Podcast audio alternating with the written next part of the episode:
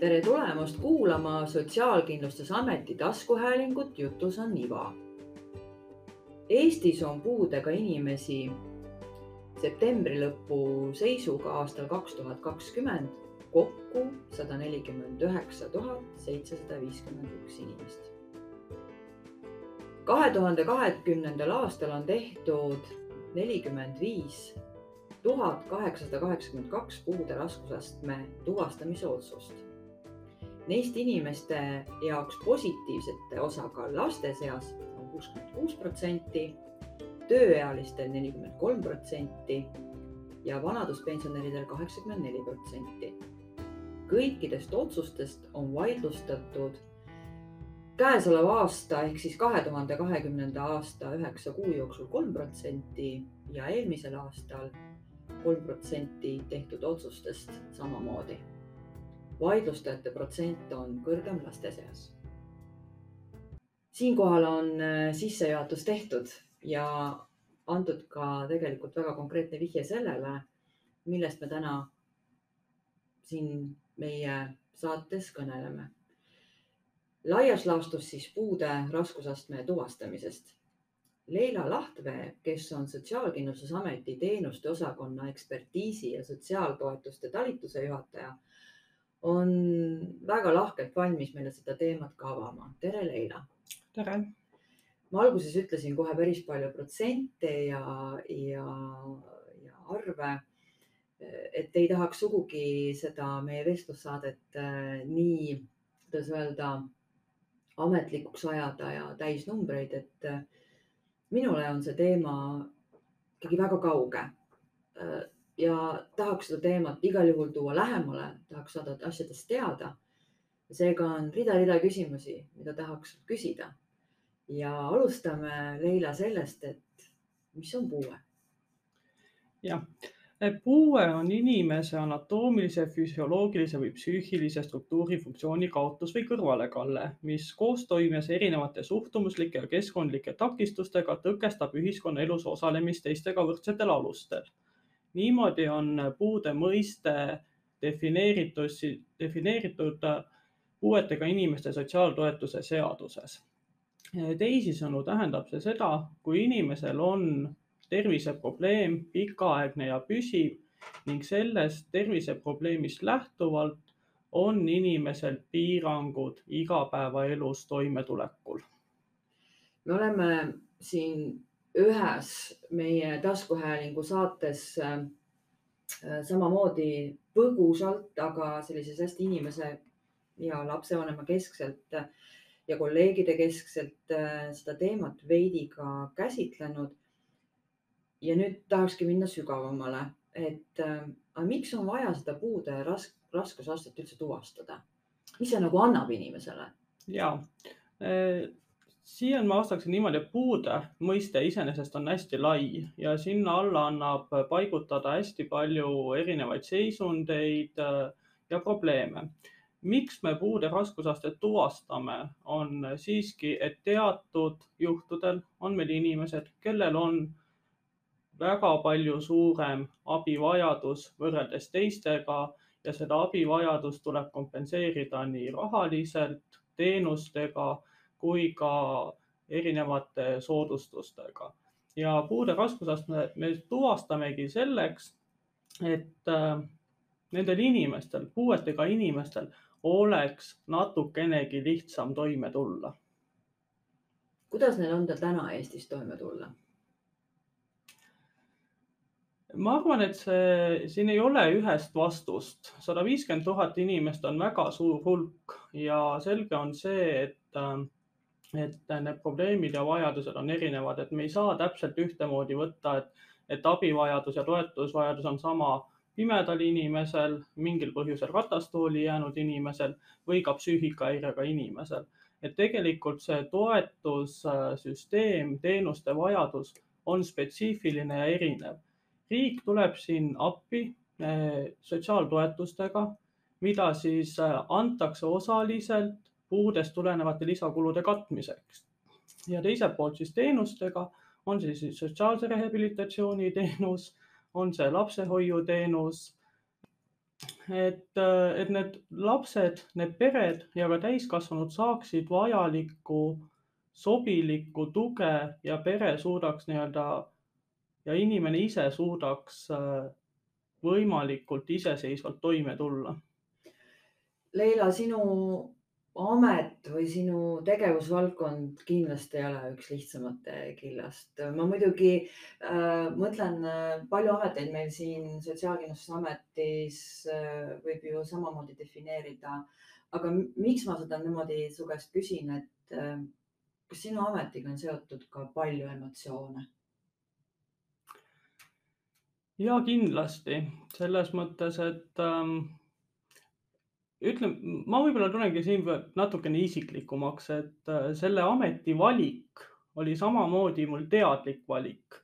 et ähm, kui mu elutee võib-olla oleks teisiti läinud, ma ei oleks ehk siin. mul on olnud äh, eelis või õnn või, või vajadus äh, kümme aastat kasvatada ka erivajadusega last tänases kontekstis puudega last. ja ma tean, mis see teekond inimese jaoks on. Ja kui see võimalus Sotsiaalkindlustusametisse tööle tulla avanes, siis ma leidsin, et mul on piisavalt kogemusi, teadmisi ja oskuseid ja mul on ka kogemusi kliendina ehk ma näen neid parandusvaldkondi ja, ja ma tahan neid realiseerida. Äh, olgem ausad, kümne aastaga on meil läinud äh, palju asju paremaks, aga on veel pikk tee minna selleks, et äh, inimesi ja peresid paremini toetada. Suur tänu sulle, Leila, selle eest, et sa sellise väga isikliku perspektiivi siia sisse tõid ja ma arvan, et see on hästi oluline. et äh, tahaks ka kuidagi ju vähendada seda arusaama, et kuskil on mingid inimesed, kes asjadest mitte midagi ei tea ja teevad otsuseid. ja, ja ja kinnitada seda, et see nii ei ole ja et äh, need teemad lähevad kõik väga hinge ja üldse kõik teemad, millega me siin tege, tegeleme, lähevad, lähevad väga hinge. Tuleme korra tagasi nüüd nii-öelda meie, meie sellisele saate algusele, et äh, mis selle puudega kaasneb või ei kaasne? no kui me räägime, kas siis tuvastamise kontekstis või, või sa tahad hoopis seda avada palju mhm. laiemalt jah, et puude raskusastme tuvastamisega jah, kaasneb inimese jaoks äh, eelkõige puudega inimese sotsiaaltoetus. Sellega kaasneb sõltuvalt nüüd küll vanuserühmast ka teatud hulk teenuseid ja sellega kaasneb ka erinev hulk soodustusi. Me teame seda, et, et me mitte kõikidel inimestel, kes tulevad puude raskusastet tuvastama, seda ei tee et äh, nagu ma ka enne mainisin, et, et puude raskusastme tuvastamisel on oluline see, et mis on terviseseisund ja millised on need terviseseisundist äh, tulenevad piirangud igapäevatoimingutel. igapäevatoiminguteks äh, me loeme siinkohal äh, laste puhul, vanaduspensionäride puhul riietumist, söömist, liikumist, hügieenitoiminguid ja suhtlemist tööealiste puhul ka laiemalt vaatame ka nii-öelda võimekust õppida ja töötada. ja, ja ongi, tervisehäire üksi ei ole puude raskusastme tuvastamise aluseks, et äh, kui jah, tegemist on kroonilise haigusega, inimesel on sellest tulenevalt äh, võib-olla vajadus võtta ravimisi, aga neid samu piiranguid äh, põhivaldkondades ei esine, siis me ei saa puude raskusastet tuvastada me ei ütle, et sellel inimesel ei ole absoluutselt mitte mingit abivajadust ja samamoodi me ei ütle, et inimene ei oleks haige. et haiguseid diagnoosivad, ravivad ja ravi juhivad arstid ja abivajaduse hindamisega äh, tegelevad ka tegelikult kohaliku omavalitsuse sotsiaaltöötajad. et kui see abivajadus inimesel on tõesti ainult ühes valdkonnas, ühe teenuse näol noh, toome näiteks siia tugiisiku teenuse, mis on tegelikult kohaliku omavalitsuse poolt korraldatav teenus, sest siin ei saa olla aluseks ainult puude raskusaste, vaid seesama, et kohalik omavalitsus peab hindama inimese ja see on nüüd ükskõik, kas on tegemist lapsega, täisealisega, abivajaduse ja sellest lähtuvalt teenust pakkuma. Leila, millal tuleb tulla puude raskusastet üldse tuvastama? ja et kui nüüd on tekkinud see tunne või vajadus, et on terviseseisundis mingi oluline muutus ja tundub, et peaks tulema töövõimet hindama, puude raskusastet tuvastama, siis olgem ausad, puude raskusastet me saame tuvastada pärast haiguse või haigusseisundi diagnoosimist vähemalt kuue kuu möödumist. enne seda ehk kohe diagnoosimise järgselt meil ei ole võimalik hinnata ravi efektiivsust tegeliku haigusest või seisundist tulenevat piiranguid, mis inimesel on ja, ja samamoodi ka prognoosi, et kuidas see haiguse kulg võib edasi minna. et seetõttu jah, töövõime hindamine läbi Töötukassa võib olla asjakohane teha kohe pärast haigestumist, kohe pärast mingi sündmuse toimumist, kuid puude raskusastet me saame hakata tuvastama, kui seisund on olnud püsiv vähemalt poole aasta jooksul. Leila, mis sa arvad, kust täna need kõige suuremad käärid nagu on? no selles mõttes, mhm. mida ma, mida ma nende kääride all praegu mõtlen, et, et eh, kas on nüüd no iga takistus mingil hetkel ületatakse, ma olen täiesti kindel, lihtsalt, et eh, on vaja mingit õiget aega, võib-olla mingit inimeste kooslust, eh, võib-olla mingit ajajärku, et kõik jõuaksid kuhugile. Aga mis, mis täna on need käärid, mis vajaksid sellist äh, kas ületamist või, või, või? siin on äh, kindlasti erinevates sihtrühmades natukene erinevad lähenemised, aga sihtrühmade üleselt äh, tuleb tunnistada seda, et puude raskusastme tuvastamine ei lahenda üksi mitte ühegi inimese probleeme see võib olla täiendavaks abiks, aga ei saa olla nagu ainukene abivajaduse mõõdupuu. ja kindlasti, kus siin äh, on meile teadaolevalt ka ikkagist murekohtasid, ongi see, et kui puude raskusastet ei tuvastata, siis inimene võib jääda mingitest teenustest, mida tal on vaja, ilma. seda ei tohiks juhtuda. me oleme valmis siin abistama, nõustama, rääkima, kus vähegi võimalik, aga selge see, et kui inimesel on see püsiseisund, kui tal on püsiv abivajadus, siis me endiselt puude raskusastme tuvastame, toetust maksame ja kõik nii-öelda õigustatud teenused jäävad. probleemkohad tekivad siin, kus me näeme, et inimesel on küll abivajadus aga tema seisund ei vasta puude raskusastmele, me ei saa seda tegelikult tuvastada, sest noh, puude raskusastet ei ole võimalik tuvastada etteulatuvalt.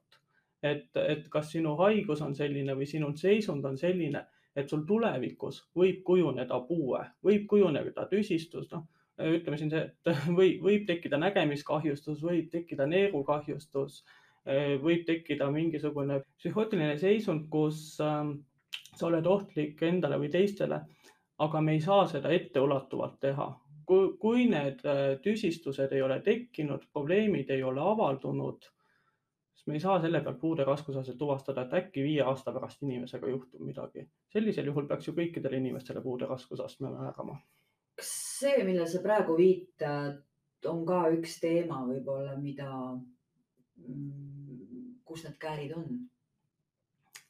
ja kindlasti, et äh, Sotsiaalkindlustusamet on samamoodi ju arenev, edasiliikuv asutus äh, nagu kõik teised.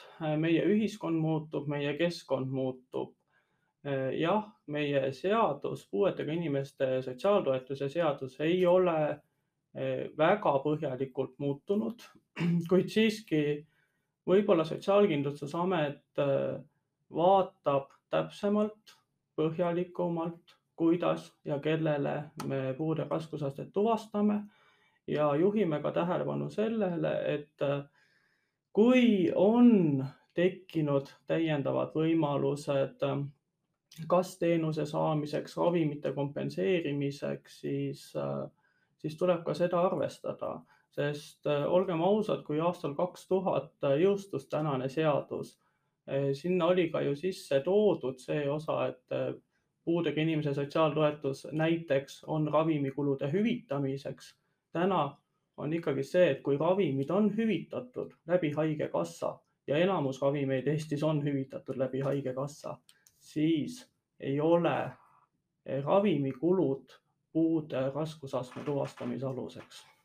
Leila, kas sa oled äh, minuga nõus, kui ma ütlen, et puudega inimesed on täna igal juhul rohkem pildil kui kunagi varem? ja, ja ma loodan, et see nii on ja, ja peavadki olema, sest äh, nendel inimestel ei ole lihtne ja ma saan aru, et iga inimene, kes Sotsiaalkindlustusametisse pöördub, tal on mingisugune abivajadus tõepoolest ja täiesti südamest ma ei usu, et ükski inimene ärkab hommikul mõttega, oh kui tore, läheks, läheks puude raskusastme tuvastamist taotlema. tõesti südamest usun, et, et, et see ei ole nii, vaid inimesel järelikult on mingi probleem, mis vajab lahendamist.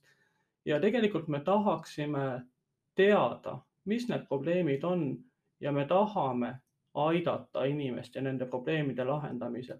kui vähegi võimalik, siis äh, me suuname, anname lisainfot ja selge on see, et äh, kui, kui puuetega inimeste teema ja probleemistik on õhus rohkem, loodan ma, et selle foonil tegelikult rohkem ja rohkem jõuab info selle kohta, millised teenused, kellele, kust ja kunas peavad olema kättesaadavad.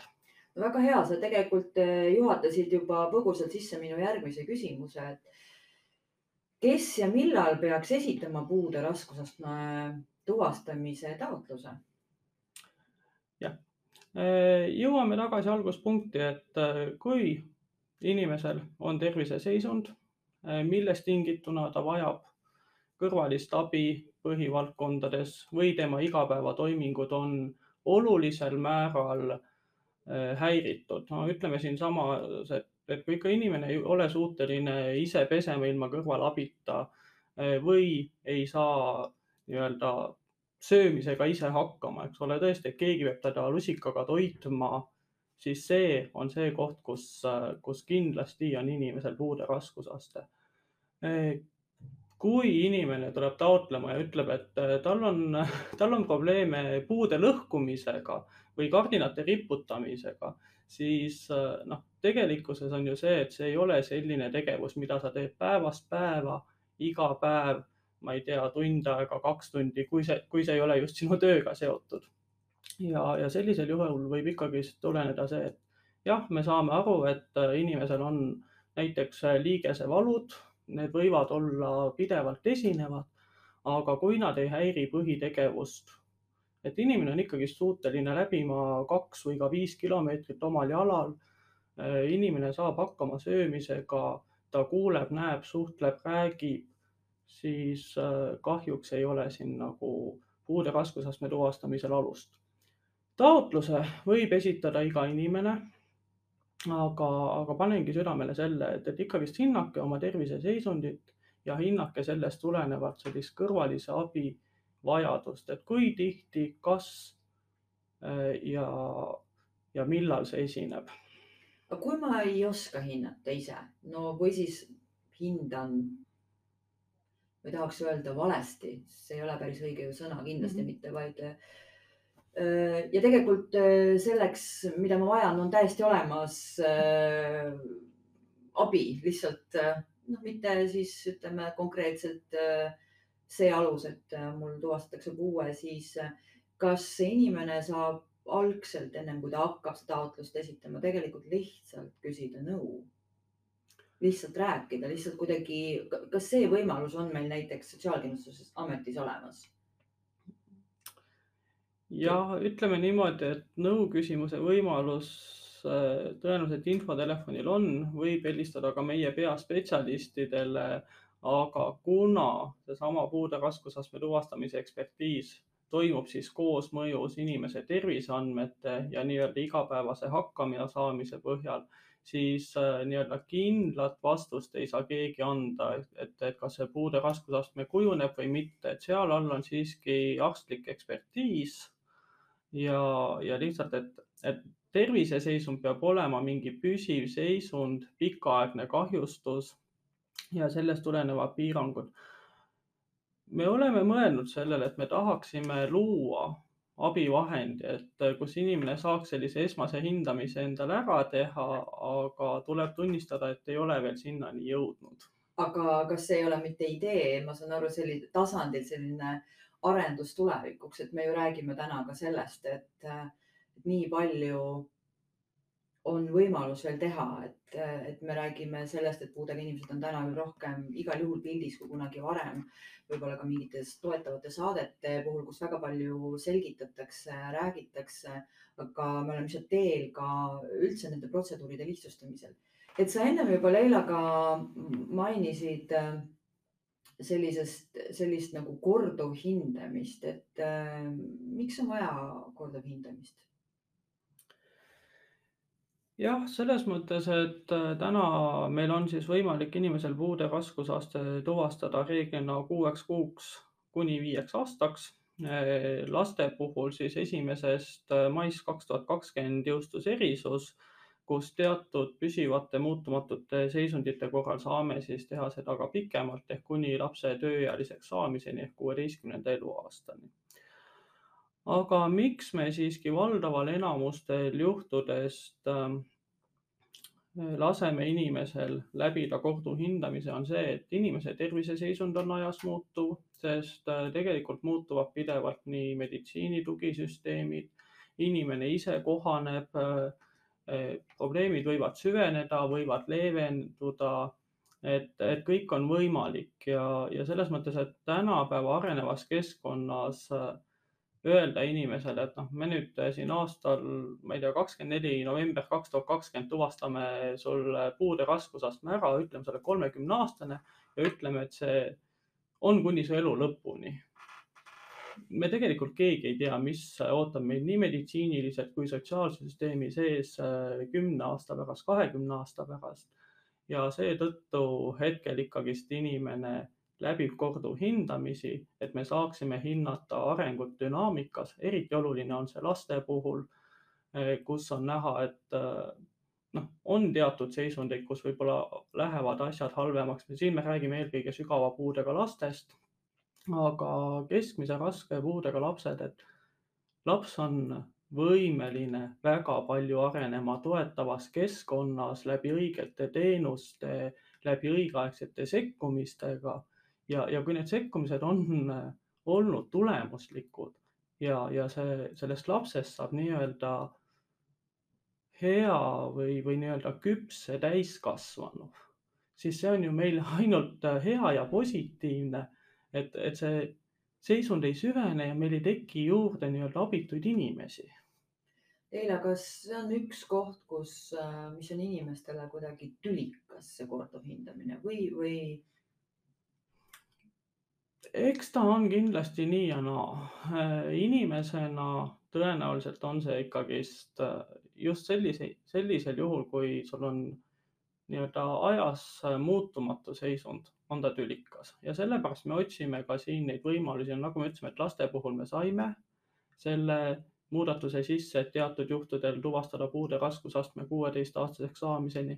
Ja otsime edasi järgmiseid võimalusi kuidas või kellel saaks eh, teatud juhtudel puude raskusastme tuvastada pikemaajaliseks.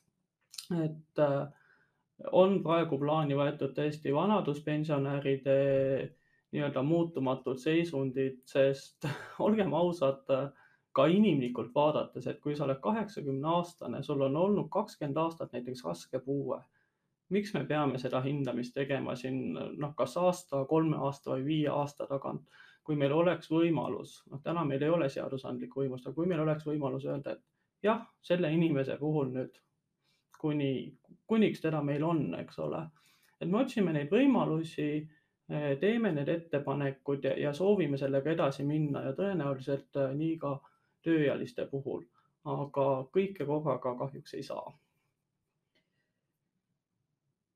sa osaled ilmselt väga paljudes töörühmades just nendel samadel teemadel ja, ja nende samade küsimustega, mida ma, mina sinult äh, küsin ähm,. on teil üksmeelsus asjade nägemises?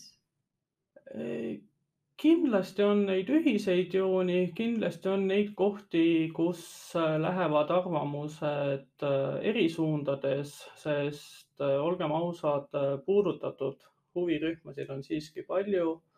On, on, on puudega inimesed, on erinevad ametiasutuste esindajad ja tegelikult ju ka ühiskond tervikuna ehk kõik kõik need, kes seda toetavat süsteemi nii-öelda üleval hoiavad ja see arusaamine abivajadusest ja inimeste toetamisest peab olema ühtne.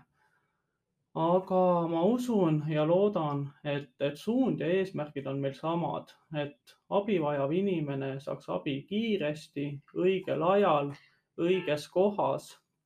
Ja ja inimesed ei peaks ootama ja ütleme siis ausalt, bürokraatia rägastikus suplema, eh, pidevalt tõendama ja tõestama, et sul on ühte või teist eh, abi tegelikult ka vaja, et tahaks ju, et need asjad muutuks lihtsamaks, sest ega ka puuetega inimeste nii-öelda süsteem, kui seda võtta laiemalt, on ju sama kaua nii-öelda kestnud, arenenud, kui on arenenud meie Eesti Vabariik. ja selge see, et äh, see ei ole selline teema, mis kunagi saab valmis või, või saab kuhugi punkti panna.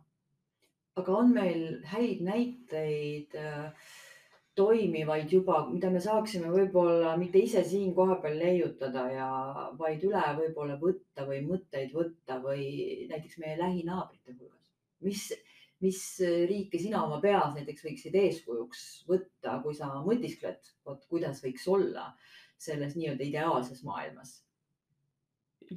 jah, ideaalne maailm, ideaalse maailma ma natukene kirjeldasin ära eelmise, eelmise küsimusega, et tõesti, et inimesele abi õigel ajal, õiges kohas, kiiresti, lihtsalt et äh, noh, täna meil on hästi palju kohustust pandud inimesele endale äh, esitada taotlusi, tõestada, vahetada infot, et äh, tegelikult väga palju sellest võiks käia kusagil taamal ja taustal ära. ehk ideaalne on ikkagi see, et abi tuleb inimese juurde siis, kui ta annab kellelegi teada. ma isegi ei ütle siin, et kus see esimene uks on, kas on kohalik omavalitsus, kas on Sotsiaalkindlustusamet või, või võib-olla on see üldse haridusasutus, võib-olla on see tööandja, kus ilmneb probleem. ja tegelikult, kui toimub märkamine, siis märkamisest edasi tekiks seesama abivajaduse hindamine, kus kaardistatakse ära, millised on, on ta siis teenusevajadus, on ta äh, finantsilise toe vajadus, on ta mingisuguste soodustuste vajadus, on see elukoha kohandamise vajadus. ja, ja sellest vajaduste kaardistamisest lähtuvalt pannakse või antakse inimesele abi, pannakse nii-öelda rattad käima ja mitte inimene ei ole see, kas jookseb, vaid, vaid ikkagist asutus ja abi tuleb tema juurde koju kohale. see on väga ilus mõte Leila, kui me planeerisime seda taskuhäälingut, siis äh, mingil hetkel sa ise ütlesid ka sellises põgusas vestluses, et neid äh, teemasid on äh, tegelikult nüüd nii palju, et kindlasti peaks tegema lausa nagu mitu saadet ja võib-olla, et sa ei peakski olema ainult ise sellest rääkima, vaid kutsumagi juurde erinevaid inimesi seda kõike nii-öelda selgitama inimestele et ma loodan, et see mõte on sul veel jõus.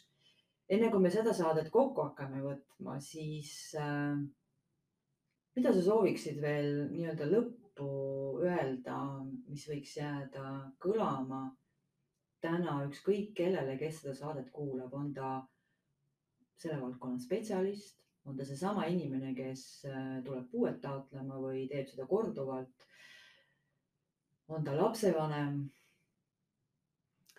ma tahaksin öelda kõikidele inimestele, et äh, kui te tõesti näete ja tunnete oma abivajadust, et äh, olge julged pöörduma ja olge julged pöörduma ka kohaliku omavalitsuse ukse taha, et sotsiaalkindlustusamet äh, tuleb appi, määrab, tuvastab puude raskusastme, kus see on vajalik ja asjakohane aga puude raskusaste kahjuks ei lahenda kõiki teie ees oleneva, olevaid probleeme. see on üks toetav meede väga suure abivajadusega inimestele ma olen täiesti kindel, et ma teen juba sellega täna liiga, et, et, et see saade on liiga lühike, et kolmkümmend minutit ilmselgelt rääkida äh, puude teemadel on vähe, aga nii nagu ma juba ütlesin, siis me kindlasti jätkame mm, selle sarjaga see on kahtlemata privileeg istuda kokku, rääkida rahulikus ja toetavas keskkonnas teemadest, mis tekitavad vastakaid emotsioone. minu tänase vestluskaaslase Leila Lahtveega oli väga huvitav rääkida ning kindlasti kohtume ja räägime veel. Meie Sotsiaalkindlustusameti taskuhäälingus Jutus on iva on õige pea jälle uus vestlus. kuulake meid, võtke meiega ühendust, pakkuge ka ise teemasid ja meie leiame inimesed, kes hea meelega teemasid avavad ja oma kogemusi jagavad. mina olen Sirle Blumberg ja selle saate salvestas ja lõikas kenasti kokku Katre Kirst kommunikatsiooniosakonnast. Kuulmiseni